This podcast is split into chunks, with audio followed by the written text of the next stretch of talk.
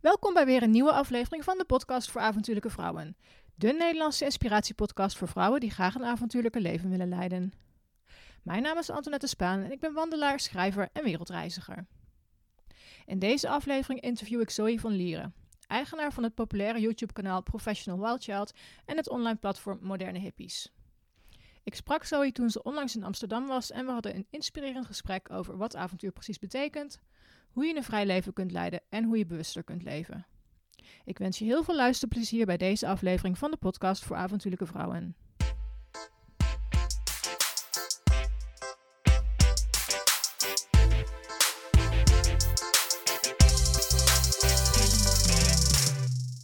Zoe, welkom in de podcast voor avontuurlijke vrouwen. Dankjewel. Superleuk dat je erbij bent. Superleuk dat ik erbij mag zijn. Um, nou ja, allereerst, wie ben je en wat doe je? Nou, ik ben uh, Zoe. Um, in Nederland kennen veel mensen me van mijn Nederlandse platform Moderne Hippies. Um, dat ik, uh, wat is het, inmiddels zeven jaar geleden heb opgericht. Uh, het is een Nederlands platform. Is eigenlijk een bloggerscollectief. En we organiseren ook evenementen in Amsterdam.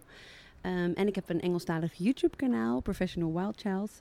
En um, eigenlijk met alle content uh, die ik maak en uh, alles wat ik doe, uh, probeer ik um, iets vrijer, avontuurlijker en bewuster te leven. en eigenlijk doe ik dat in zich heel nu vanuit mijn eigen mediabedrijf. Dus mijn eigen mediakanalen vallen eronder. Maar ik werk ook als freelancer voor dezelfde type merken en initiatieven waar ik zelf voor sta. En dat gaat dan eigenlijk allemaal om contentcreatie. Leuk, heel erg van deze tijd dus. Uh, heel erg van deze ja, tijd. Leuk. Nog geen podcast. Uh, dat doe ik als freelancer wel voor een ander merk, maar ik heb zelf geen podcast. Nou, welkom dus bij deze in je eerste podcast. Ja. Leuk. We hadden het net al eventjes over dat je zei, hey, het is een keer audio en geen video. Ja. En over zelfbewustzijn, dat je daar dan heel erg... Uh, ja, en dit maakt je dan waarschijnlijk weer heel bewust van hoe je praat. Ja, ik moet bijvoorbeeld veel langzamer praten. Ik ben een hele snelle prater, heb je misschien net ook wel gemerkt.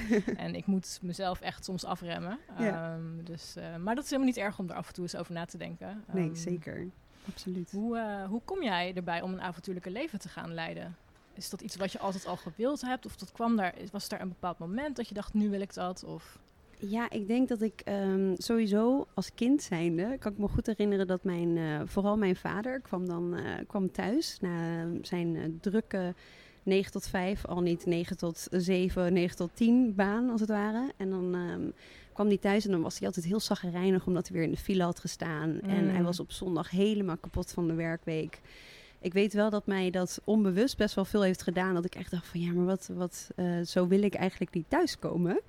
Um, en uiteindelijk ben ik, uh, toen ik studeerde aan, aan, de Universiteit van Amsterdam, um, werkte ik daar als uh, studentassistent. En um, toen merkte ik dus ook dat 9 tot 5 leven heel erg. En had ik collega's om me heen die, um, die eigenlijk vastzaten in een contract. Maar er gewoon eigenlijk niet meer een soort van um, uh, fulfillment uithaalden, weet je wel. En, en echt een, een baan hadden voor, voor ja, wat, uh, wat ze vanuit een bepaalde passie deden.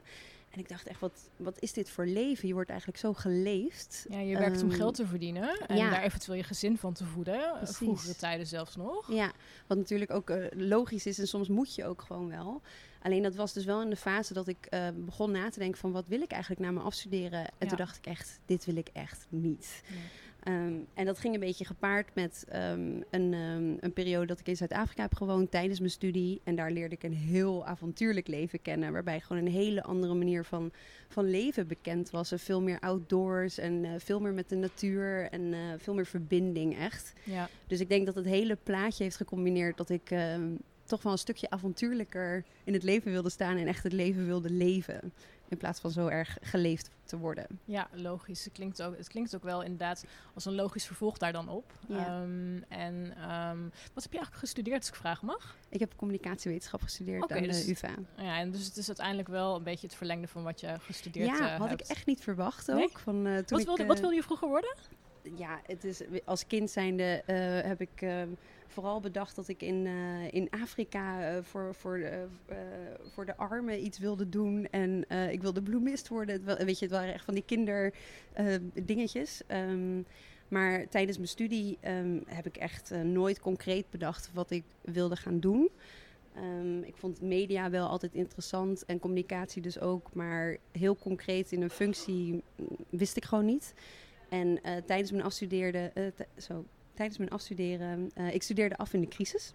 Oh ja, die En- kan ik me ook nog wel herinneren. Ja. Ja. dus er was ook echt geen baan beschikbaar. En tijdens die fase leerde ik heel veel mensen kennen die ehm, de wereld een beetje beter wilden maken. ja. En ehm, eh, dat was toen nog best wel up and coming, om het zo Mhm. te zeggen. Of in ieder geval eh, in mijn bubbeltje hier. Weet je, ik had een meisje die eh, haar eigen natuurlijke deodorant maakte.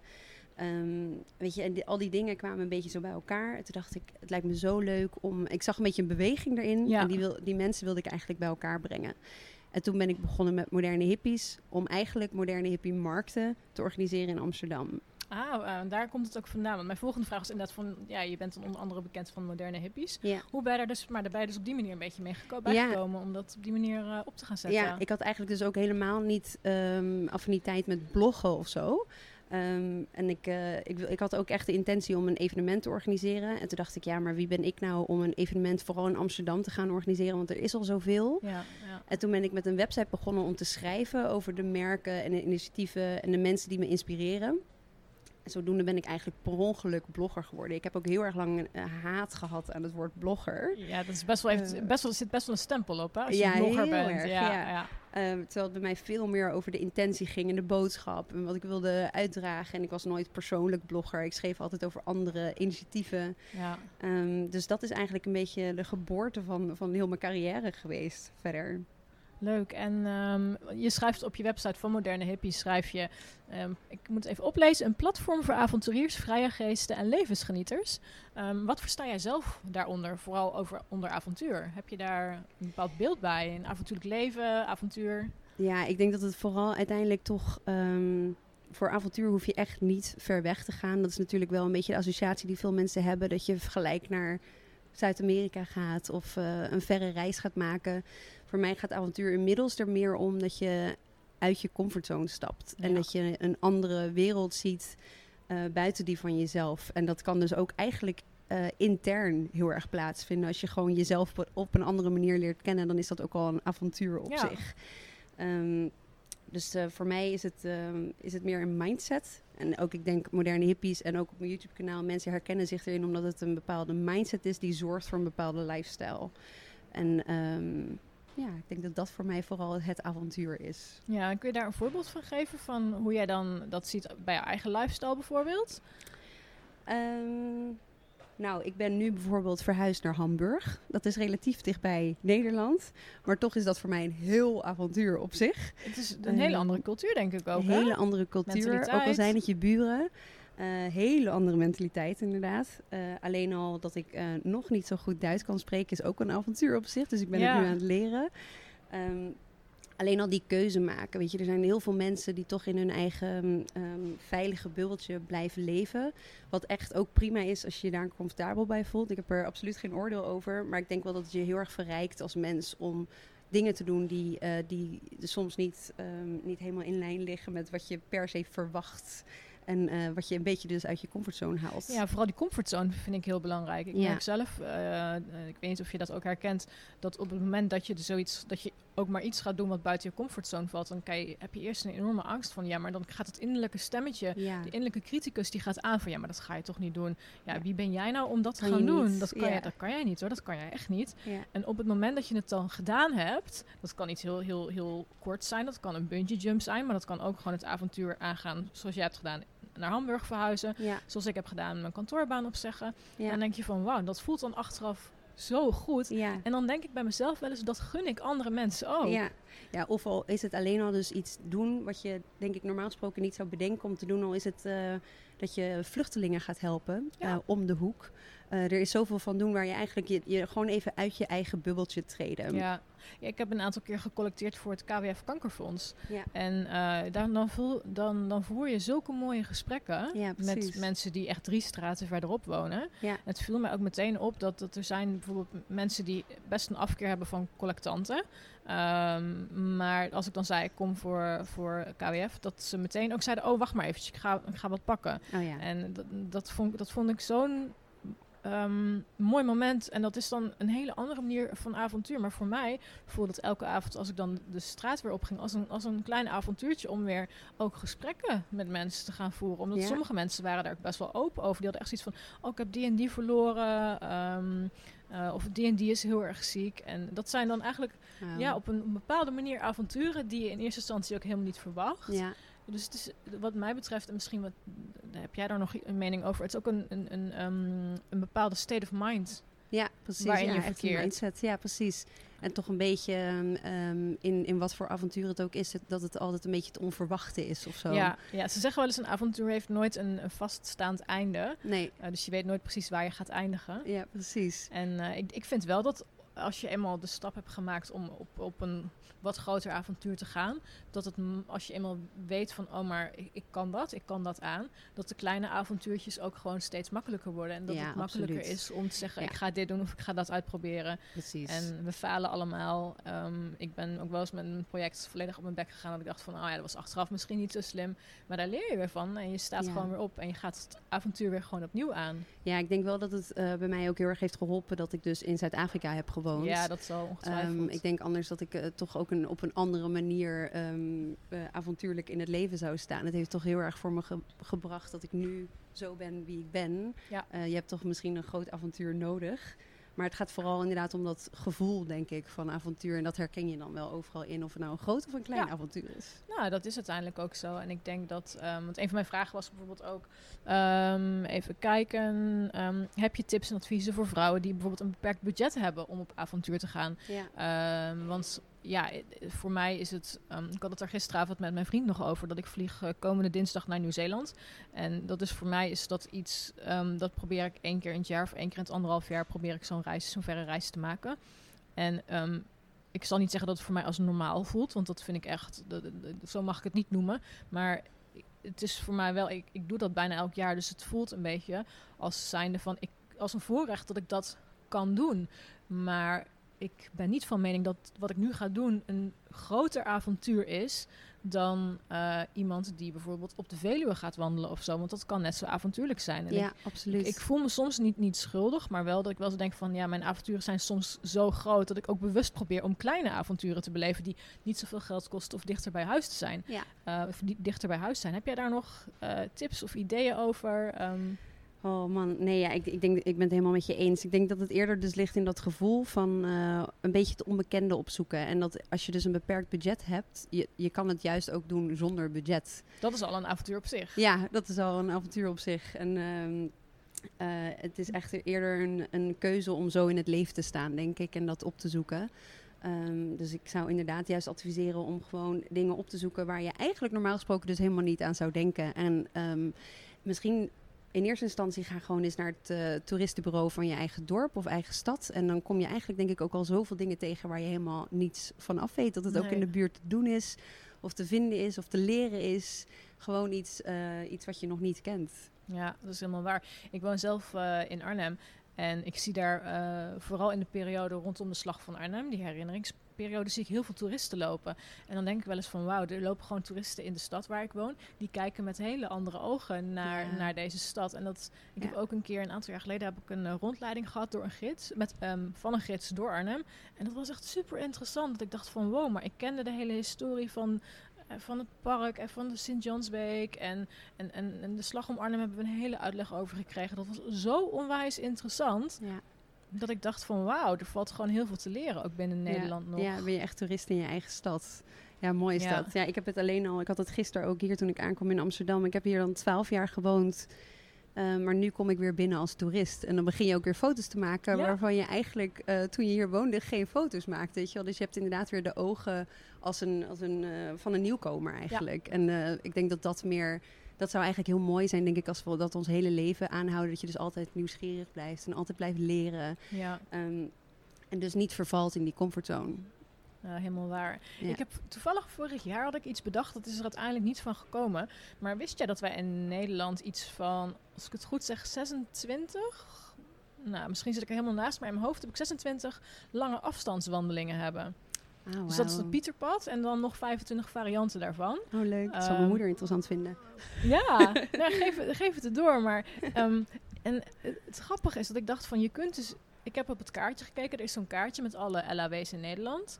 En toen dacht ik, eigenlijk loopt er bij elke stad of dorp, in de, min of meer in de buurt, loopt er wel zo'n pad. Oh, precies. ik dacht, ja. misschien moet ik een landelijke dag organiseren. Dat iedereen die daar aan mee wil doen, het dichtstbijzijnde pad opzoekt. En vanuit daar gewoon net zo lang gaat lopen, de de paaltjes gaat volgen, tot ze geen zin meer hebben. Ja, Dan super kom goed je idee. echt gave dingen tegen, Ja. volgens mij. Misschien moet ik het maar eens gaan doen. Ja, Eh, Zo'n pad loopt bijvoorbeeld vlak bij mijn huis. Ik heb, nou, dat pad ken ik inmiddels redelijk goed. Maar ik dacht van hoe leuk zou het zijn als, als je gewoon eens vanuit je eigen huis op avontuur gaat en dingen ontdekt waarvan je helemaal niet wist dat ze er waren. ja, precies. Nou ja, dat is dus inderdaad precies als je een beperkt budget hebt. Is dit, Is- dit soort initiatieven Ja. perfect. Wandelen is sowieso perfect als je een Ja. eh, beperkt budget hebt. Ja, Eh, ik absoluut. wandel heel veel op de Veluwe. Ja, Ehm, maar ik verbaas me er ook over dat je bijvoorbeeld in Noord-Holland kun je echt op een paar plekken heel mooi wandelen. Zuid-Kennemerland, ik ben een paar Ja. maanden geleden in Schorel geweest. ja. Dus het is echt niet alleen maar in het, in het oosten van het land op de Veluwe. Nee. Utrechtse Heuvelrug was ik laatst. Of dus het buitenland inderdaad. Nederland aan zich is gewoon een prachtig land ja, om te ontdekken. zeker. Ja, ja.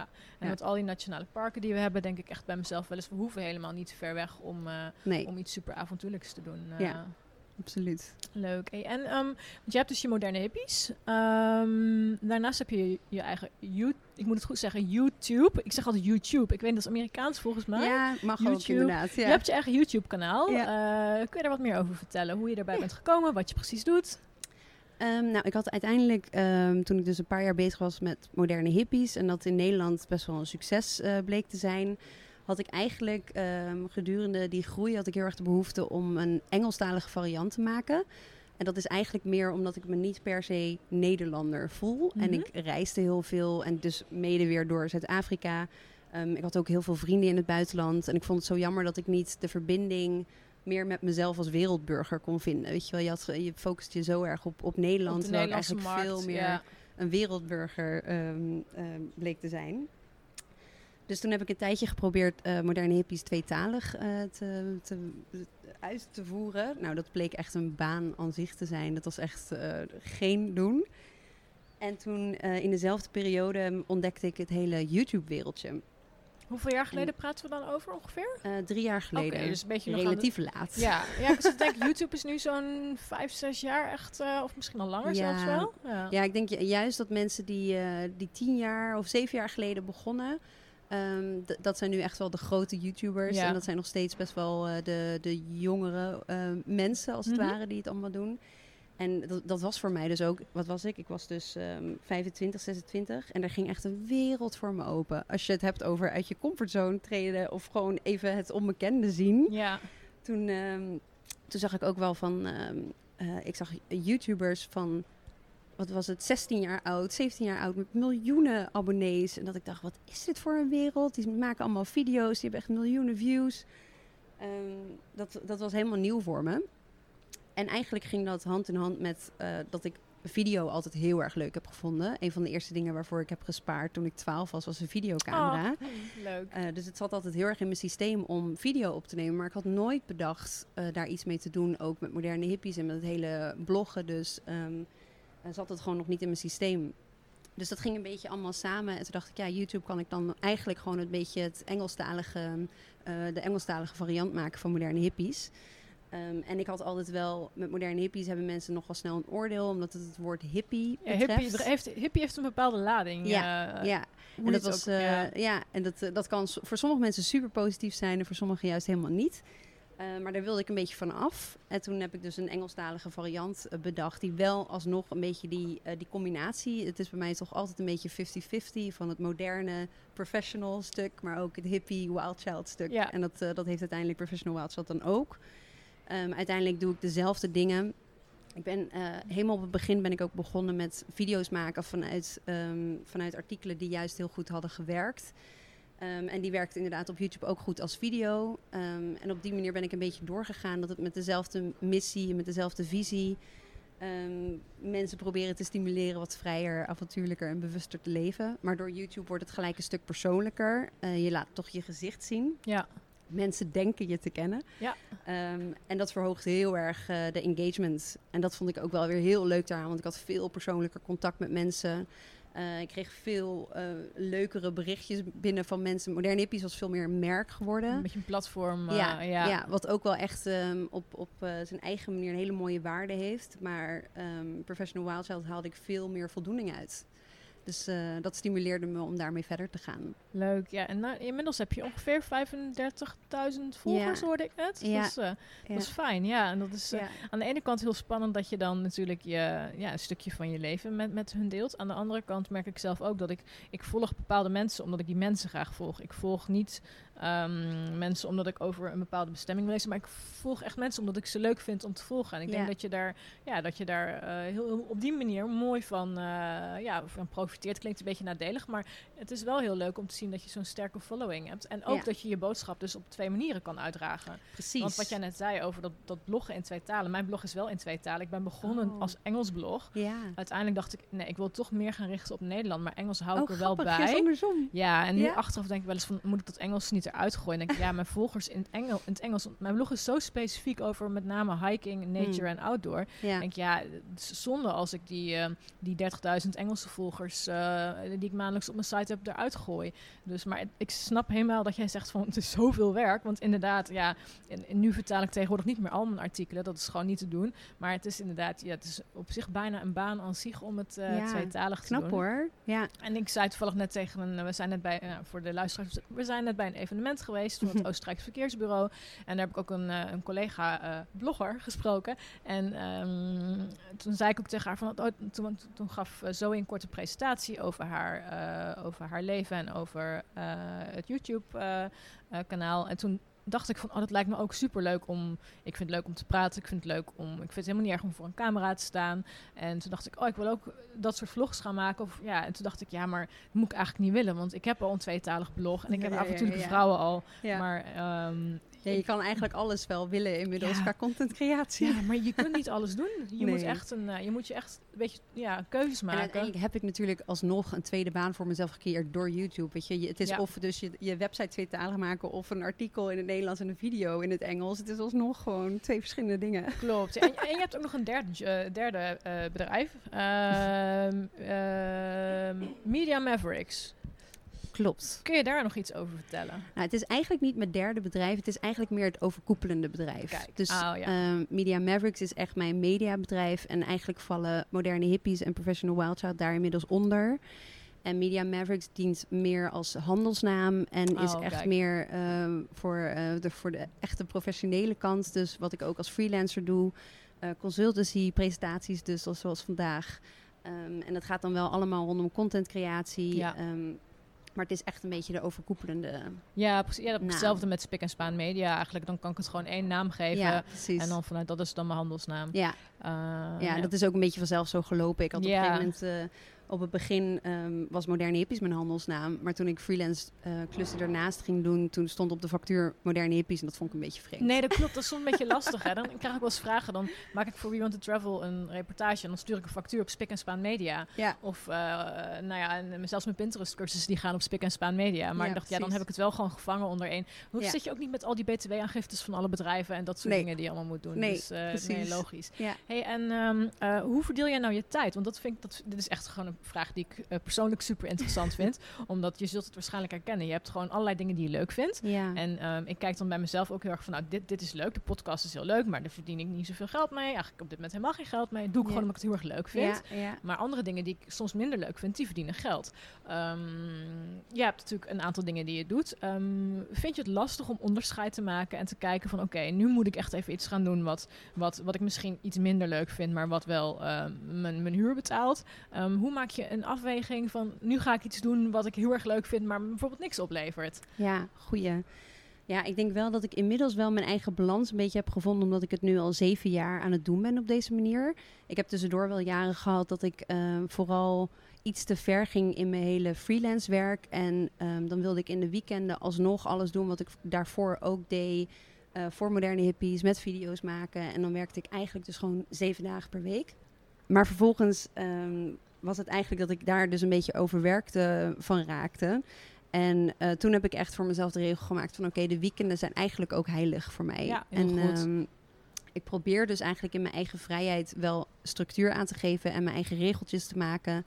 Eh, ik werk in principe gewoon van maandag tot en met vrijdag. Op zaterdag en zondag sta ik echt wel uit, ook qua e-mail. Ehm, ik heb überhaupt geen e-mail op mijn telefoon. Scheelt ook al heel heb veel ik ook stress. niet. Ik heb die mail-app verwijderd. Dat Ja. scheelt zoveel Zo stress. lekker, ja. Je, je, je maakt Ja. gewoon echt tijd voor wanneer je mail beantwoordt. En daaromheen ja, is het er gewoon niet. Nee.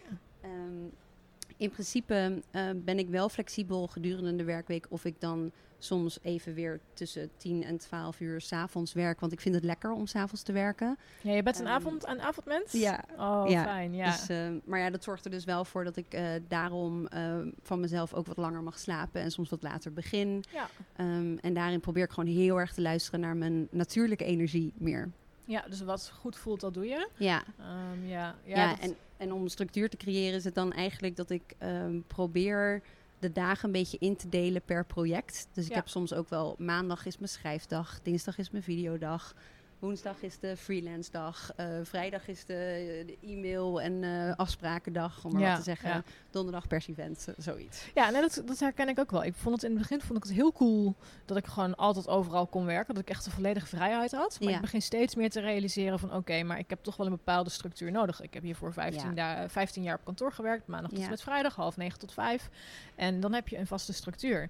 En in het begin dacht ik van oh ja, die structuur, ja, die ga ik helemaal niet missen. Maar hoe langer ik nu aan het werk, of tenminste, ik werk nu mm, ruim twee jaar voor mezelf. En ik merk echt dat ik die structuur zelfs een beetje ga missen. Dus net zoals jij heb ik dan, bijvoorbeeld maandag is mijn vaste werkdag. Dan plan ik ook geen belletjes, geen afspraken, helemaal niks. Dan werk ik de hele dag. En dan is er vaak in, één keer in de week een persevenement. Ehm, en dan inderdaad mijn freelance opdrachten doe ik op een bepaald moment. En dat biedt toch wel een bepaalde vorm van rust. En inderdaad niet meer in het weekend werken. Want nou ja, het is heel herkenbaar wat je zegt. Je, je, klap, je klapt je laptop open en je gaat toch nog even een stukje zitten editen of wat Ja, foto's Het bewerken. is heel verleidelijk. En op een gegeven moment ga je je uren opschrijven en denk je, wow, weer 60 uur gewerkt deze week. Dat, Ja. is, niet de, dat is eigenlijk niet de bedoeling om hier een standaard van te maken. En het is zo dubbel, hè? want het is juist inderdaad wel met, vooral wat je hier nu ook weer doet, van je wil het zo graag. En je, je stopt er echt met eh, tijd en liefde in, omdat je het gewoon zo graag wil doen. Maar je moet echt eh, voor jezelf je grenzen aangeven van waar, je, waar je stopt, om, voor je eigen sanity. Ja, en je kunt, je kunt zoveel doen. Ja. Dat is echt eh, de, de, de. Nou ja, daar hadden we het net toen wij hier naartoe liepen ook al even over. De, de mogelijkheden zijn eindeloos tegenwoordig. Dat, dat de jeugd van tegenwoordig die nu een opleiding doet, Ja. die, doen, die werken straks misschien in beroepen waar wij nu nog helemaal geen weet van hebben. En het is natuurlijk hartstikke tof dat wij ja, kunnen, kunnen rondkomen met hetgene wat we het allerliefste doen natuurlijk. Content, leuke content maken. Ja. Ehm, en dat het, eh, maar dat, ja, ik, soms levert het mij ook wel een beetje stress op van, oh, maar ik wil nog eigenlijk dit en ik, eigenlijk wil ik ook nog dat. Ja. Eh, dus, ja, het is ehm, op een gegeven moment keuzes maken. ja, dat is ook zo. Het is echt eh, juist om een beetje zen te blijven. Er, gaat ook mijn hele pad juist om, van wat ik met mensen deel, is het juist van, eh, je, je moet juist nee zeggen tegen dingen. En je moet ook, eh, ook juist dingen afsluiten om juist ehm, te Ja. kunnen stralen in iets wat je juist graag wil doen. Ja. En, en eh, delegeer jij ook dingen of doe je alles, heb je, doe jij alles volledig zelf? Heb, heb jij nog mensen die, die af en toe dingen voor jou doen bijvoorbeeld? Ja, zeker. Ja, ik, ik werk in principe altijd samen met andere freelancers. Dus met Moderne Hippies heb ik heel erg lang gewerkt met, met de redacteur. De afgelopen twee jaar heeft, is eigenlijk alles website gerelateerd en social media gerelateerd ehm, door iemand anders gedaan. En de evenementen van Moderne Hippies doe ik ook met een partner. En eh, die heeft haar eigen evenementenbureau. En Oh, die, eh, kijk, die die- organiseert ja. eigenlijk alle evenementen. Ehm, dus ik probeer op die manier eh, samenwerkingen te vinden met andere zelfstandigen. En daarmee ehm, verdelen we eigenlijk ehm, Ja, die doen waar, in- waar zij goed in zijn eigenlijk. ja, precies. Dat was eigenlijk ook al een heel leerproces voor mij. Vooral toen ik begon met de evenementen, kwam ik er dus na een paar jaar achter dat ik eigenlijk helemaal niet gelukkig werd van evenementen organiseren. en dat ik het hele online gedeelte veel leuker vond. Ja. Van zelf je eigen content kunnen bepalen en de, en de boodschappen kunnen bepalen. En toen, ehm, ehm, nadat ik was gestopt met de markten, toen is er iemand op me afgekomen. Dus die zei van, joh, ik mis je markten eigenlijk. Mag ik, eh, mag ik ze eigenlijk weer terugbrengen? En eh, op die manier is het veel logischer dat er nu gewoon mensen dingen doen wat zij weer zelf heel leuk Ja, vinden Ja. om te doen. Het is veel, eh, veel logischer. Ja, makes sense. leuk. Ja, het is Ja. wel leuk om dat even van iemand anders te horen, want het is, ja, eh, ja, dat merk je natuurlijk ook als je voor jezelf werkt. Dan, dan zit je vaak op een eilandje. zeker. En eh, dus vandaar even een, eh, een persoonlijke vraag tussendoor. Daarop inhakend, ehm, ik heb een aantal van jouw video's bekeken. ja. En er eentje is The Problem of Our Generation. Dat is een beetje iets wat op dit moment heel erg speelt. ja. En daar eh, zeg jij dat we eh, soms eh, als ik hoop dat ik het goed uh, gequote heb, dat we ons niet zo goed beseffen waar we onze tijd in steken. Mm. Dus dat we gewoon eigenlijk uh, gedachteloos, hersenloos zitten te Instagrammen, Facebooken, Netflixen, YouTuben. Ja. We zappen voorbij. Ja. Uh, en ik heb hem even vertaald vanuit het Engels naar het Nederlands. Maar voor je het weet is je middag of je avond voorbij. En vervolgens noem je dan het voorbeeld dat jij er bijvoorbeeld voor kiest om dan maar één aflevering te kijken. In plaats van een hele serie te bingen. um, en dat je dan bijvoorbeeld de keuze maakt, ik ga wandelen. Um, is het voor jou op dat moment lastig om je daaruit te trekken? Om te zeggen van oké, okay, ik ga nu unpluggen, ik ga nu naar buiten. Uh, hoe doe je dat? Heb je tips? Ik hoor namelijk best wel veel van mensen dat ze dat, dat, ze dat heel moeilijk vinden als ze eenmaal s'avonds op de bank liggen. Dat ze de bank niet meer afkomen met de zak Ja. M&M's Ja. of de zak chips. En dat ze een hele serie bingen. Ja. Um, ik merk zelf, ik heb dat minder. Ik, ben, ik vind Netflix leuk, maar ik kijk denk ik echt één aflevering per avond. Nou, nog niet eens per avond. Uh, um, als ik een serie kijk, doe ik er echt soms wel twee maanden over. Maar heb jij suggesties voor, voor, voor vrouwen die het moeilijk vinden om die knop om te zetten van online naar offline gaan? Ja, ik wilde eigenlijk net terugvragen van, maar hoe komt het dan dat jij dat ook inderdaad al zo voelt? Van waar komt dat dan vandaan? Ik vind Netflix niet leuk genoeg. Ja, dat klinkt heel. leuk. Ik vind het wel leuk, maar ik vind wandelen vind ik leuker. Bijvoorbeeld. Of een boek lezen. Dat geeft me meer voldoening. Ja, precies. Ehm, maar inderdaad, van waarom? Omdat het voldoening, het geeft je energie. Ook. En ik merk gewoon, omdat ik voor mijn werk zit ik al de hele dag achter een scherm. Ja. Um, en dan denk ik, ja, dan wil ik s'avonds niet nog in, uh, in, uh, in bed liggen met een laptop. We hebben thuis ook in principe de regel geen beeldschermen in de slaapkamer. Ja. Dus ook telefoons blijven normaal gesproken in de, in de woonkamer Supergoed. liggen. En ook geen laptops mee. Ja, met uitzondering dan als we echt om acht uur s'avonds een keer denken van we zijn moe, we gaan slapen. Ja. Dan gaat de laptop mee en dan gaan we een serietje kijken. Ja. Maar in principe laten we dat allemaal in de woonkamer achter. Ja. Um, en ik merk ook gewoon dat uh, als ik een serie wil gaan kijken, dus er, er is ook zoveel rommel op Netflix dat ik echt denk, ja, moet ik nou echt de zoveelste detective gaan zitten? Het, dan boeit het me soms ook niet. En dan ga ik liever een boek lezen waarvan ik echt wat kan, kan leren of waar ik helemaal in kan kruipen. Maar dat is ook voor mij heel persoonlijk. Ja. En ik weet dat ik na een wandeling ben ik altijd weer lekker opgekikkerd en opgefrist. En ik echt van ja, maar de, hier kan geen Netflix tegenop. Nee, eigenlijk. precies. Ja, ik denk ook inderdaad, als, als ik uh, daarover nadenk, um, dit zegt voor mij alles um, van hoe onbewust we ons zijn van onze tijd hier op aarde. Om het even Ja. heel diep in te steken en misschien een beetje zwaar voor mensen, maar ik denk dat we dus inderdaad in die zin zo ver afstaan van onze. Uh, met, met de verbinding met onszelf en eigenlijk onze uh, tijdelijke aard hier. En ik denk als je heel erg bewust bent van je, je korte bestaan, dat je dit soort dingen echt zonde vindt van je tijd. Um, als het niet verrijkend is in ieder geval. Je kan af en toe natuurlijk echt zeker wel, uh, vooral dan infotainment, uh, interessant vinden. Ja. Uh, waar je echt wel weer wat van leert. Maar als je gewoon je tijd verdoet aan een serie, um, dan is er eigenlijk iets waarvan je aan het vluchten bent, in mijn mening.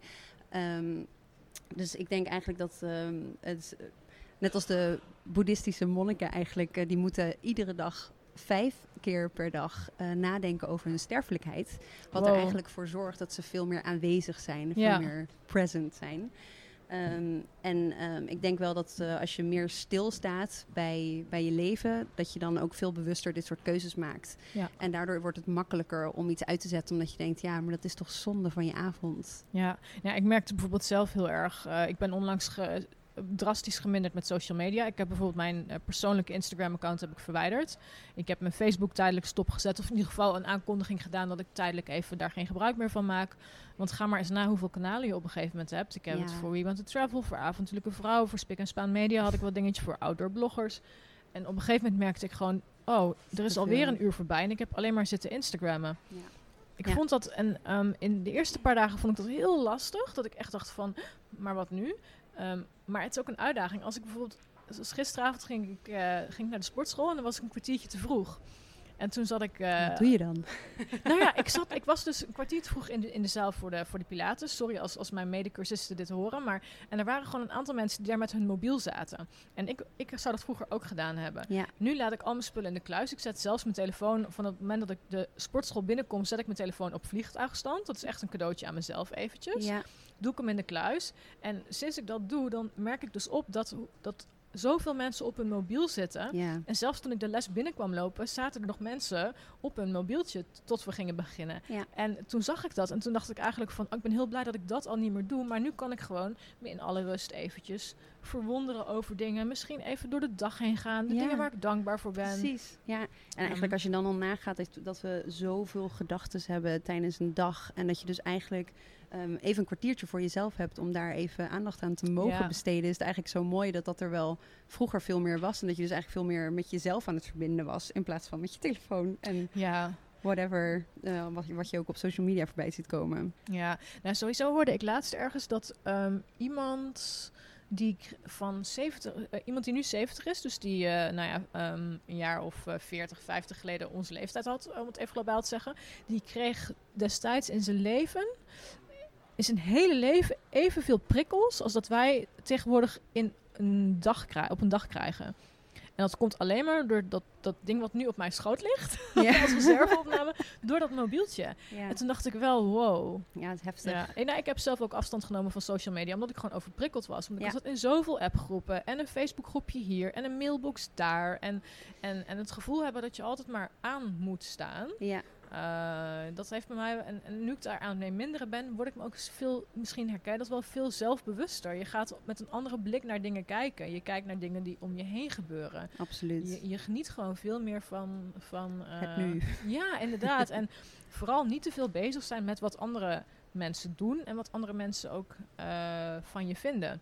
Ja, het is natuurlijk heel lastig om dat, eh, om dat uit te sluiten. Hè? Omdat het eigenlijk, het zorgt de hele tijd een beetje voor, voor, zo, voor het gelukshormoontje. Dus daarom zijn we er Ja. ook zo verslaafd aan. En we zien gewoon niet in dat het een, een drugs is geworden. Wat ons eh, ervoor zorgt dat we kunnen ontsnappen van onze eigen misère en de eigenlijk, eh, eigen dagelijkse bestaan. En gewoon iedere keer even ontsnappen in dat wereldje van, oh, weer wat leuks, oh, weer wat leuks. Ja. Nou, Ja. Het, het is echt schrikbarend. Daar had ik het van de week ook met een vriendin nog over. Dat ik zei hoe vaak ik, eh, als ik op de bank zit, toch die telefoon grijp. En, ehm, Ja, Hoe eh, onbewust je dat ook ja, doet. dat je ja. denkt, oh, ik grijp weer naar... Maar waarom eigenlijk? En er- wordt heel veel over gezegd. ja. eh, en, en veel over gepraat. Maar we doen het bijna allemaal. Het is, het is best wel lastig om het, om het eh, af te leren, merk ik. Ja, absoluut. nou, ja, je moet regels weer eigenlijk, dus waar we het net ook over hadden in onze vrijheid, die je hebt, moet je regels maken voor jezelf om echt meer een zen leven te, te leiden. Nou ja, en ook ik, wat, wat bij mij enorm heeft, heeft geholpen, dat ik to- ook tegen in een aantal appgroepen even heb laten weten van jongens, ik ben er even niet de komende Ja. periode. Ja, Ehm, eh, dus heb je me dringend nodig, dan stuur me even een privéberichtje. Want in sommige appgroepen gaat het zo hard ja. met gesprekken. Als je een paar uur niet hebt gekeken, dan, ja, dan, dan heb je een heel gesprek gemist. Ja, En, eh, klopt. ik merk nu, nu, nu ik minder geprikkeld word, dat ik echt denk, oh wauw, dit is echt zoveel beter. Ja, absoluut. En dan is de kunst natuurlijk om daar nu in te het blijven. vol te houden. Ja, precies. Ja. Ja. Nou, ik probeer maximaal één uur per dag eh, schermtijd. Nou, dat is niet helemaal haalbaar, want ik doe bijvoorbeeld ook mijn navigaties op mijn iPhone en mijn meditaties. Ja. Ehm, maar ja, je hebt natuurlijk ook van die, van die instellingen die je eh, kunt zetten. Maar ik probeer eigenlijk mijn schermtijd max een uurtje. En dat vind ik eigenlijk wel genoeg. Ja. En gewoon de andere tijd gewoon een boek te lezen, te mediteren. Eh, ik hou een dagboek bij bijvoorbeeld, waar ik dankbaarheidsdingetjes in opschrijf. En hoe mijn dagen verlopen. Dat is wel een stukje meer dan de gemiddelde mens waarschijnlijk en- doet. het is best wel even lastig, want ik soms, nou, dadelijk ga ik met de trein naar Arnhem weer terug vanuit Amsterdam. En denk ik, wow, oké, eventjes. eh, en dan zie je al die mensen met je mobiel zitten. En dat is eigenlijk het moment dat ik denk, oké, dit ga ik niet doen. Ik ga mijn dagboekje pakken en ik ga wat dingetjes opschrijven. Ja, dat is wel supergoed. Maar dat is alleen al dus de bewustwording van gewoon om je heen kijken. Nou, precies dat. Ja. En het gesprek met, met iemand die naast je zit of zo aangaan. Ja. Of desnoods ga ik een podcast luisteren of zo, maar niet ja, 5000 keer mijn Instagram checken om te zien of ik nog likes eh, ja, daarbij ja eh, de erbij verslaving krijg. is eh, very real. En het zijn, het zijn, en het zijn ook onszelf opgelegde regels. Hè. Ik weet niet of je dat Mm. ook herkent als, als ondernemer. Ehm, ik doe zelf niet zoveel meer met Instagram, omdat ik eh, merk dat, eh, dat ik daar ja, voor me persoonlijk weinig energie uithaal. Ehm, maar toevallig maakte mijn zusje laatst een hele rake opmerking van... ja, jij weet het als, ik niet elke dag, als je niet elke dag wat plaatst. Maar ze zegt, ik heb dat helemaal niet in de gaten. Nee. Dus nu denk ik echt, ja, ik hoef niet meer elke dag wat te plaatsen. Ik doe het als ik iets te melden heb of als ik er zin in heb. Maar dat is echt een, een, een eh, zelf opgelegde regel van... Ja. ik moet elke dag op Instagram wat zetten. Of ik moet elke... Heb, jij- heb jij daar nog... eh, heb, Nee, ik geef daar eigenlijk ook inderdaad niet meer zoveel om. Ik, ik merk natuurlijk nog steeds wel dat er een soort van druk achter de schermen altijd is van... oh, ik moet, ik moet echt weer even een foto posten of zo. Maar eigenlijk op mijn, vooral Professional Wild heb ik een hoge engagement. Maar ben ik juist niet zo streng. En ik merk dat dat gewoon juist heel lekker werkt. Van, eh, ik moet gewoon vooral iets posten als het authentiek is. Als de foto een beetje het moment klopt. Als mijn caption klopt met, met mijn gevoel. Ja. Ehm, niet plaatsen om het plaatsen, want het is Nee. zes uur s'avonds, dus, dus er moet wat online komen nee, nu. want dat, dat werkt gewoon niet bij mij. En ik merk ook dat mijn doelgroep dus ook niet zo werkt. En dat is wel fijn, weet je. Dit is bij mij liever dus... ehm, kwaliteit staat gelukkig dan nog wel voorop. Ja. Ehm, en, en de boodschap ook. En wat je, eh, wat je de wereld echt inbrengt. Dus, ehm, maar ik heb zeker wel jaren gehad waarbij ik die druk veel meer voelde. Vooral met moderne hippies en artikelen. Dat ik echt wel eh, heel streng mezelf had opgelegd. Dat iedere dag wilde ik twee artikelen plaatsen. Wauw. Ja. Ja, dat is, was ook super heftig. Dat zou ik ook nu nooit meer doen. En ik heb nu ook sowieso dus weer meer van... als ik al een artikel plaats, dan wil ik gewoon dat het een goed artikel is. En liever dan één per week. ja, quality over quantity. Ja, en Ja. ik denk dat dat ook een veel duurzamer, mooier idee is om, eh, om content te creëren. Want er is al zoveel. Nou, dat is, ben ik helemaal met je eens. Eh, de influencermarkt is eh, rijkelijk bezet, zal ik maar zeggen. Ehm, dus ik denk dat je je inderdaad op dit moment veel beter kan onderscheiden door gewoon eh, uniek te zijn, authentiek te zijn. En je niet al te veel bezig te houden met de regeltjes zoals het zou moeten zijn. nee. Ik denk dat Ja, je het maakt me juist tegelijkertijd inmiddels dus een beetje een soort van rustig met het idee dat het eigenlijk altijd doorgaat. Dat er zoveel wordt geplaatst dat je denkt van ja, het maakt dan eigenlijk relatief dus niet zo heel erg veel meer uit of zo. Of ik het nou vandaag of morgen plaats op die Nee. manier. Het is echt meer van waar je zelf wil staan en hoe je, hoe je bekend wil staan, I guess. En wat je, wat je branding is, hoe je het allemaal wil doen. Ja. Ja, ik merk, ik heb dat heel erg losgelaten. En in, het begin was ik, toen ik net blogde, had ik inderdaad van, oh ja, maandag iets live, woensdag iets live en zaterdag iets live. Want daar zitten mijn volgers op te wachten. Ja. Maar ja, welke volgers zitten, er zullen misschien wat mensen zijn die dan op maandagochtend om 9 uur op mijn nieuwe blog zaten te wachten. Maar ja, die vijf mensen die dat dan misschien specifiek zijn, ja, die kunnen ook wel een dagje wachten of twee dagjes. Ja. Ehm, dus Nou is het wel natuurlijk met, eh, als je wil groeien, voor, vooral op een YouTube-kanaal, dan is consistentie wel echt aan te raden. Ja. Als ik bijvoorbeeld iedere donderdag of vrijdag post, dan weten mijn vaste volgers weten er dat. staat een video online. dus dat zou ik ja. wel altijd aanraden. Ook voor jezelf om, eh, om toch niet om de druk mega op te voeren, maar wel om consistentie te behouden in je content en ja, dat en je ergens naartoe werkt. brengen. ja, ja. ja, dat wel. Maar ehm, daaromheen in alle chaos ehm, niet te streng voor jezelf zijn. Nee, heb, je, heb jij sowieso überhaupt nog regels voor jezelf? ehm, eh, zonder te veel in detail te treden, maar wat betreft wat je wel deelt en wat je. Wat zijn er ook dingen die je niet deelt? Ehm, Ehm, ik heb bijvoorbeeld. eh, ik, mijn huis komt bijvoorbeeld nooit in beeld. oh ja. Ehm, en ook de plek waar ik woon niet. Wel gewoon het bos waar ik ben. Ehm, en ik heb bijvoorbeeld ook. Ja, eh, mijn familie komt bij mij bijvoorbeeld niet in beeld. Ehm, Ja, ik denk dat dat bij mij een beetje natuurlijk is gegaan. Van, ik heb niet echt specifieke regels wat echt niet of wel mag. Maar ik merk wel dat ik juist de hele privé situaties... als ik uit eten ben met mijn familie... dan wil ik ook gewoon niet met mijn telefoon bezig zijn. Nee, heel goed. En dat zijn juist gewoon wel de hele belangrijke momentjes voor me. En het is ehm, heel organisch gelopen van wat ik nu doe. En ze zijn het ook gewend dat dat ehm, eh, een deel van mij is. Maar ehm, het is, ik heb zelf ook niet echt de behoefte daaraan. En ik sta er juist ook heel erg voor om te genieten van het moment. Dus het zou Ja. ook eigenlijk raar zijn om constant dan mijn broer en zus en whatever op, op Insta-stories te zetten. ja, dat, in beeld te brengen. ja, Dat, dat heeft ook echt totaal geen toegevoegde waarde voor mijn volger, denk ik dan. Nee, dat ze volgen jou om wie jij bent. Hoe leuk mijn broer en eh, zus trouwens ook zijn. Dat bedoel ik niet persoonlijk.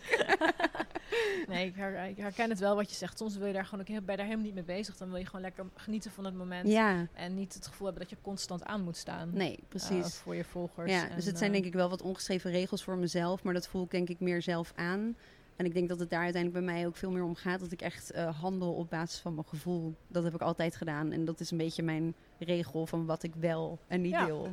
Nou ja, kijk eens waar je gevoel je gebracht heeft tot Ja. nu toe. Dus eh, super, super, super ver volgens mij, eh, Ja. volgens mij al. Want je kan leven van wat je het aller, allerliefste doet. Er schoot me net nog een vraag te binnen en dan ben ik hem eventjes kwijt. Maar ik heb er nog een paar op de lijst staan. Ehm, even kijken. Je mooiste reis tot nu toe. Ja, ik heb hem misschien al een paar keer voorbij ja, ik wou net zeggen, die is wel duidelijk, denk ik. Ja. Ehm, en wat is je grootste avontuur eh, tot nu toe geweest? Ja, die is dan toch ook wel ook in Zuid-Afrika. Eh, ja, ik weet niet, is Zuid-Afrika is echt zo de, de basis geweest voor mij, voor heel veel dingen. Dus heeft ook heel veel betekenis voor me. Ehm, en is een van de mooiste periodes geweest van mijn leven. En ehm, ik heb daar toen in een van de eerste weken heb ik een hike gedaan in de Cederbergen. Best wel een onbekend gebied, relatief gezien in Zuid-Afrika. Op een paar uur afstand van, eh, van Kaapstad, waar ik toen woonde. Ehm, en toen ben ik negen uur gaan hiken Mm. met zonsopgang. En dat was voor mij zo'n eerste ervaring van... ik had nog nooit negen uur gehiked op een berg. Eh, echt eh, klimmen, klauteren. ehm, allemaal dingen die totaal weer buiten mijn comfortzone lagen. Ehm, en dat was echt eh, een van de meest fantastische avonturen ooit. Gewoon omdat het meer voor mij een, het, het beginpunt was van... oh, oké, dit is dus echt een avontuur en een avontuurlijk leven. Ja, gaaf. En ehm, ja, sindsdien eh, ben ik daar denk ik ook een beetje verslaafd aan geraakt. Als je het hebt over verslavingen. Ja, nee, heel herkenbaar. Ik vind het mooi dat je het zo omschrijft dat een hike zoiets met je kan doen. Ja. Want ehm, eh, ik, ik, ik zit even naar jouw sokken te kijken. Die heb ik ook van socks. Ja, Heerlijk. Die Het is zo koud vandaag, Ja, ze zijn echt heerlijk. Maar eh nou, hiken heeft natuurlijk, eh, nou laat ik zo zeggen, ehm, ik ben denk een, ehm, elf jaar geleden gestart met Want to Travel. Ik heb ongeveer zeven jaar geleden mijn missie bepaald. En mijn missie is, ehm, of destijds outdoor en wandelen, hiken, een eh, hipper imago geven onder Oh, de jongeren in Nederland. Ja. Ik was toen zelf net eh, halfwege de twintig en ik merkte gewoon, nee, dat is niet waar. Ik was eind twintig. Ah, anyway, ik Ja. maar ik merkte gewoon dat dat, dat dat had toen best wel een geitenwolle sokken imago. Dus vandaar je sokken. Dat zijn vet lekkere sokken trouwens. maar ehm, ik, ik merk gewoon dat het hiken steeds hipper wordt. Ja. Of hipper. Dat, dat, dat niet alleen... Toegankelijker of normaler. ja, en dat Ja. tegenwoordig als je... Als je eh, to- toen ik nou zo'n 15 jaar geleden ben ik begonnen met hiken. En de eerste grote tocht die ik maakte was de Inca Trail in Peru. Ja, dat Oh, was echt een dingetje toen. Was Ja. van, wat ga jij nou doen? De Inca Trail. En tegenwoordig is het juist super eh, populair om dat te gaan doen. Misschien is de Inca Trail zelfs inmiddels wel te populair geworden. Ja, Maar ik merk dus dat hiken, ik kijk daar echt enorm naar uit. Ik word daar helemaal rustig van en, Ja. en zen van. Ehm, en, eh, dus ik vind het heel erg leuk dat je dat, dat, je dat noemt. Dat, dat het met jou ook een beetje dat, eh, dat gevoel oproept. En het, absoluut. Het heeft zo erg gezorgd voor een, voor een pure verbinding met mezelf. En echt even los van de wereld die ik kende. En ik denk dat dat, eh, dat heel verslavend is geworden van... Oh, zo fijn om, eh, om gewoon echt één met de natuur te zijn en, en met jezelf te zijn. En dus juist los van die telefoon te staan. ja, dan met name. In principe gaan op mijn hikes gaan mijn telefoon wel mee voor foto's. Ja. Maar ik heb hem eigenlijk altijd op vliegtuigstand Maar dat is eh, ook weer iets wat ik heel leuk vind, ook juist Ja, tijdens de om trip. Het zorgt niet voor minder verbinding bij mij. Zeker niet. Nee, want uiteindelijk, ik check op mijn hikes, check ik nooit echt mijn e-mail of zo. Of Nee. tenminste, nee, dat staat al gewoon allemaal Nee. uit. Daar ben ik niet mee bezig. Dan ben ik le- leef ik juist in het moment.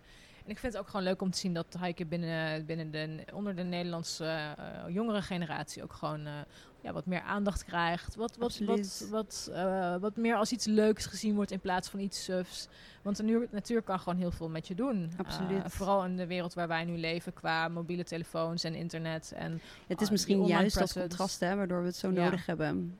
Ja, Ja, dat denk ik ook inderdaad wel. Ik woon dan zelf in het bos en op het moment dat ik achter mijn laptop zit te werken en dat ik denk het gaat even niet, dan loop ik door het bos en dan... ja wat Alles is maar- wat een luxe. Ja, dat is echt heerlijk. Dit is Het- nieuwe luxe, hè? Ja, dat in is het, het. bos gaan wonen. Ja. Ja.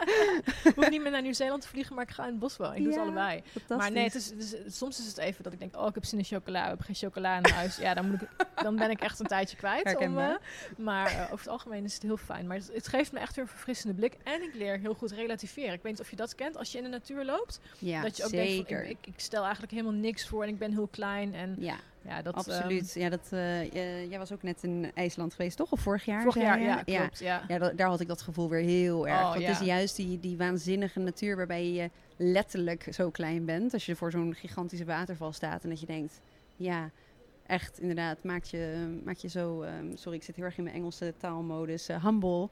Eh, Ja, dat je, nietig eigenlijk een nietig, beetje ja, naar, precies. naar de natuur toe. Ja, Eh, nou, ik heb vorig jaar, nee, twee jaar geleden in Nieuw-Zeeland heb ik een aantal natuur, nou, niet natuurrampen. Maar daar, Nieuw-Zeeland is echt een modern land, net zo modern als dat wij zijn. Met goede wegen, goede voorzieningen. ja. Maar daar is dus in de drie maanden dat ik daar was, is er twee of drie keer een hurricane geweest. Waarbij dus gewoon wegen weggevaagd zijn, dorpen ondergelopen zijn, Oh, mensen zonder stroom hebben gezeten.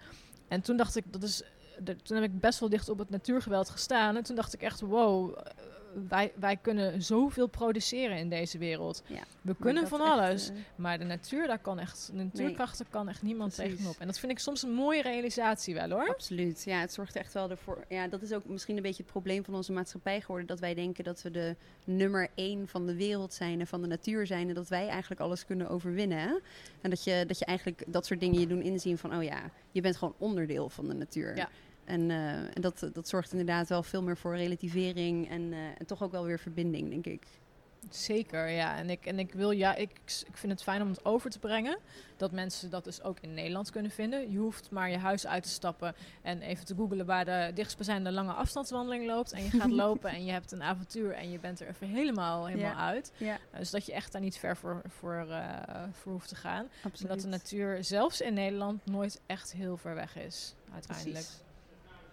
Ehm, even kijken op mijn lijstje. Ehm, heb jij een avontuur of iets wat je graag ooit nog eens zou willen doen? Of iets waarvan je altijd al gedroomd hebt van nou, als ik eh, ooit genoeg vrijheid heb of genoeg geld heb of de kans krijg, dan zou ik dat nog wel eens willen. Oh, dit vind ik echt ook zo'n lastige vraag. Ehm, ik hoorde je net praten over de Inca Trail. Ik heb uiteindelijk een reis in eh, Zuid-Amerika heb ik nooit kunnen maken vanwege een ongeluk in 2013. En eh, toen had ik die eigenlijk gepland. Dat was toen al wel een beetje toeristisch en eh, bekender aan het worden. Maar ik zou hem toch nog steeds wel graag willen doen. Ehm, misschien kan het ook een beetje in een off-season of zo, dat het net iets rustiger is. Ja, er zijn ook, er zijn, er zijn ook alternatieve Inca Trails tegenwoordig. Ja. Ze hebben echt andere dingen ontwikkeld. Ik zou zelf Ja. ook nog wel naar Peru terug willen om eh, misschien niet de letterlijke Inca Trail die ik toen heb gelopen, maar wel om een nieuwere variant uit. Want het is wel Ja. echt magisch. Dus ik Ja. snap het heel goed dat je dat. eh, Die moet je gewoon een keer gedaan hebben, toch? Ja. ja. ja, er zijn meerdere hikes waarvan ik denk van ja, die zijn druk, maar dat zijn ze niet voor niks. ja. Ehm, Ja. Maar ik denk juist nu, waar, in de fase waar ik nu heel erg in zit, is het juist dat ik ehm, me realiseer dat ik wat minder op avontuur hoef. eh, dus juist op de verre manieren. Ook omdat ik al zoveel heb gereisd de afgelopen tien jaar. ehm, en ik mijn nieuwe avontuur dus nu heel erg ligt in een nieuw thuis maken Ja. om de hoek.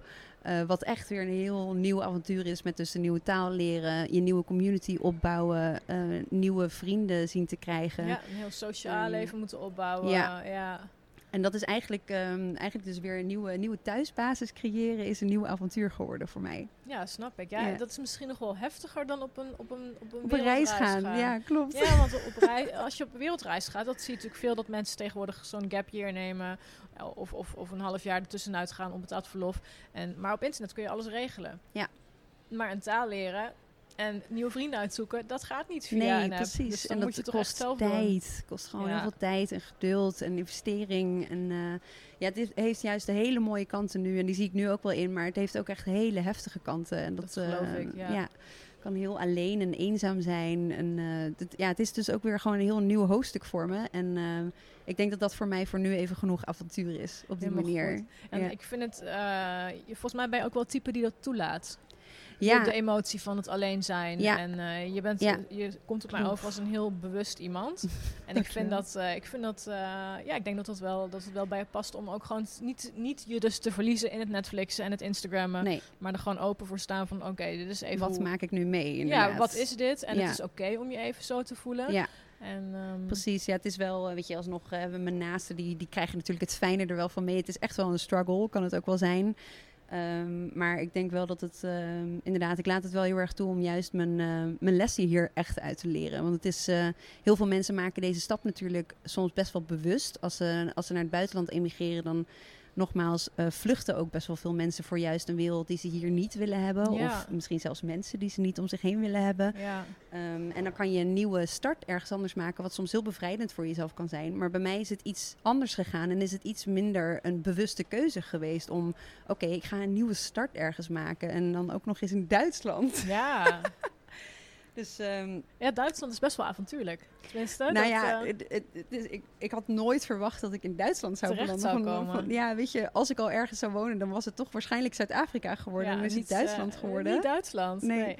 Dus, ehm, en dat brengt gewoon weer een he- hele mm, nieuwe vragen met zich mee. Dus het is, eh, ja, het is echt, echt wel een avontuur op zich. Je bent nooit uitgeleerd en Nee. uit eh. Precies. eigenlijk. Nou, het is eigenlijk ehm, wel grappig dat ik voor mezelf nu weer heb gerealiseerd dat ik het afgelopen tien jaar, ondanks dat ik zo'n avontuurlijk leven leidde ehm, aan de hand van reizen en nieuwe dingen ontdekken, op een andere manier toch wel weer in mijn comfortzone zat hier. Weet je wel, toch met je ja. type leven dat je hebt opgebouwd Ja. en je familie en vrienden zit je toch ook wel weer toch in dat bubbeltje. En nu ik dat dus volledig uit ben gegaan, merk je toch weer van oké, ja, dit is toch echt wel weer een avontuur op zich met gewoon alles weer, alles weer nieuw en een nieuwe taal leren. Ja, heftig. Ja, en de Duitsers zijn over het algemeen. eh, wij in Nederland praten wij heel goed Engels. Ook Ja. de wat oudere generatie. In Duitsland is dat volgens mij toch wel iets minder. eh, Absoluut. Hoe ja. ervaar jij en dat? Vooral, eh, vooral Hamburg ehm, is toch nog best wel Duits georiënteerd. Het is Ja. echt wel een wereldstad hoor, maar heel veel gebieden eh, in de stad en zeker de, de wijk waar ik woon ehm, is, is gewoon Duits. En Ja. eh, ik denk in Duitsland ben je, kom je, eh, ja, zit je goed als je in Berlijn woont. Dan kan je echt prima terecht als je alleen Engels kan en eh, is het allemaal wel goed. Ehm, maar in Hamburg moet je wel Duits kunnen spreken. En dat is tegelijkertijd juist dat moeten is voor mij ook heel goed. Want anders dan zou ik misschien iets te veel weer in die comfortzone van het Engels eh, blijven zitten. ja, en dan zou je misschien juist de, de, de, de andere ehm, ja, eh, mensen, buitenlanders die er wonen, gaan opzoeken. Ehm, maar ik vind het heel knap dat je, dat je het zo doet hoor. Want eh, het, is, eh, het lijkt me niet makkelijk. Nee, nee, dat is misschien dus ook wel een tip van je moet dus juist, eh, juist soms iets doen wat je misschien intrinsiek ergens misschien niet had willen doen. Dat zou ik zelf persoonlijk nooit zo aanraden van je moet altijd uiteindelijk iets doen wat goed voelt of zo. Ja. Dit voelt uiteindelijk wel goed. Alleen dit is wel iets wat, eh, wat soms niet altijd even makkelijk is. Daar, dat is het meer. Nee. Maar uit je comfortzone gaan is nooit makkelijk. Nee. En dat maakt het uiteindelijk als je het gedaan hebt. Dat je denkt, wauw, Ja, ik heb het wel gedaan. het wel het, het is eigenlijk bijna altijd de moeite waard. Niet of je klopt. het daarmee eens Je bent. leert er maar hoe dan ja. ook van. Nou ja, en, en falen. Eh, ja, in hoeverre falen dan ook bestaat. Ik zie falen eigenlijk altijd als een leermoment. En iets waar weer andere, andere kansen en mogelijkheden uit ontstaan. Ja, en dingen die je, waar, waar je van je achteraf achter waar je achteraf achterkomt van, oh, dat had me heel leuk geleken. Dat dan ineens blijkt van, oh, maar dat past toch niet zo goed bij mij. Precies, Ehm, ja. En dat zijn allemaal weer kleine leermomentjes waar, ja, waardoor het leven uiteindelijk weer eh, een stukje leuker eh, wordt en, en je nooit uitgeleerd bent eigenlijk. Helemaal mee eens. Ehm, nou, laatste vraag. Ehm, wat gaat er altijd mee in de rugzak van jou als avontuurlijke dame? Heb je iets wat er altijd mee gaat? Ja, ik heb erover na zitten denken, maar ehm, ik dacht wel van ja, weet je, je kan wel de klassieke, eh, in ieder geval een creditcard, paspoort of weet ik veel wat zeggen, maar dat is logisch. Dat neemt iedereen uiteindelijk mee. Mobiele telefoonoplader. Dus laten we even een duurzame insteek kiezen dat we echt, en ik neem aan dat jouw lu- luisteraar ook enigszins eh, bewuste reiziger is, maar toch nog steeds met reizen, hoeveel mensen plastic flesjes kopen, Mm, waterflesjes kopen, ja. dat toch, ja, bij mij gaat standaard eh, een waterfles mee. Ja, nou heel goed. Ja, daar ben ik ook, sta ik ook helemaal achter. En dat is toch iets Ja. wat eh, bij veel mensen nog in hun systeem moet komen te zitten. Maar het zou zoveel plastic schelen. Zoveel Ja. beter zijn voor de wereld. Nou, een compleet goedgekeurd antwoord wat mij betreft. En ik kan me ook niet voorstellen dat er mensen zijn die het daar niet mee eens zijn. Ja. Ehm, nou, allerlaatste vraag. Waar kunnen mensen jou vinden? Online. Oh, heel veel verschillende plekken. Maar om het makkelijk te houden, eh, YouTube en Instagram Professional Wild Child. En eh, anders dus het Nederlandse platform Moderne Hippies. Ook op Instagram en Facebook te vinden. Oké, top. Nou, ik zal ze sowieso linken in de show notes, zodat eh, mensen die het eh, vergeten zijn of willen doorklikken dat meteen kunnen vinden. Zijn er verder nog dingen waar we het niet over gehad hebben, waarvan je denkt van, oh, dat wil ik nog even aanstippen of dat had ik nog willen noemen? Of wil je nog iets van jezelf promoten nu je de kans hebt? Ehm, ik zat net te denken toen je zei van wat gaat er eigenlijk altijd in je rugtas mee. Ik zou meer aanraden van als je op reis gaat, om juist meer stil te staan. Ehm, omdat ik eh, eh, juist ook tijdens het reizen heel erg het gevoel heb dat we zo erg in de weer zijn.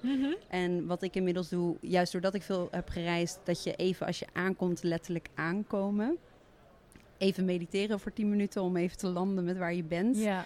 Ehm, ik heb ook wel eens gehoord dat, eh, dat bepaalde stammen in Afrika, ehm, als ze een, dag, een dag na het jagen, moesten ze een uur stilzitten, omdat ze eigenlijk dachten dat hun geest nog ergens op het veld was. Omdat ze zo hard hadden gerend. Ja, Dus je hebt tijd nodig om je geest weer even in je lichaam te laten komen. nou dat vind ik een hele mooie. Dat ga ik volgende week uitproberen. Mijn reis is, eh, nou ik geloof zo'n 30 uur na mijn eindbestemming.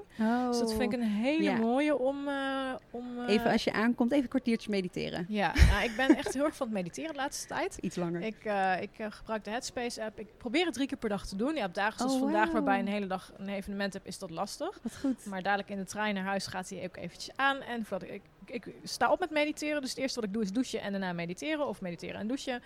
En eh, tussen de middag probeer ik een korte te doen. En dan s'avonds nog een keertje. Super En dat brengt me zoveel. Maar Ja. inderdaad, bij, aan, bij aankomst vind ik dat een hele goede. Want wat je zegt, ken ik wel. Je komt ergens aan, je wil meteen gaan. Ja, Ehm, dat is en eigenlijk je, helemaal gaat gelijk, je hebt gelijk dus weer die impulsen. Als Ja. het niet social media is, is het dus wel op reis vooral nieuwe impulsen met Ja. wat, je, wat je ook ziet. Overal, ze zijn Ja. overal om je heen. Ja, Dus- dus het is echt des te belangrijker om even je ogen te sluiten en te Even verwerken. en, ja, Nou, goede tip, dankjewel. Volgens mij is dat een, eh, een mooie om mee af te sluiten. Ik wil je hartelijk danken dat je de tijd Jij hebt ook. genomen om, eh, om deze podcast op te nemen. superleuk. En eh, ik wens je heel veel succes met al je projecten in de toekomst. Eh, en we gaan elkaar vast nog wel eens tegenkomen ergens. Absoluut. Dankjewel. Dankjewel. Hopelijk heb je genoten van deze podcast met Zoe en hebben we je geïnspireerd om te kiezen voor een vrij leven. Luister je deze podcast op iTunes, dan zou ik het tof vinden als je me een 5 sterren waardering wilt geven. Wil je meer weten over Zoe? Kijk dan op www.avontuurlijkevrouwen.nl en volg het Avontuurlijke Vrouwen-account op Instagram. Ook is er de besloten Facebook-community voor avontuurlijke vrouwen, waar je kunt connecten met like-minded dames. Lid worden kan eenvoudig door een lidmaatschapsverzoek in te dienen. Voor nu bedankt voor het luisteren en graag tot de volgende keer.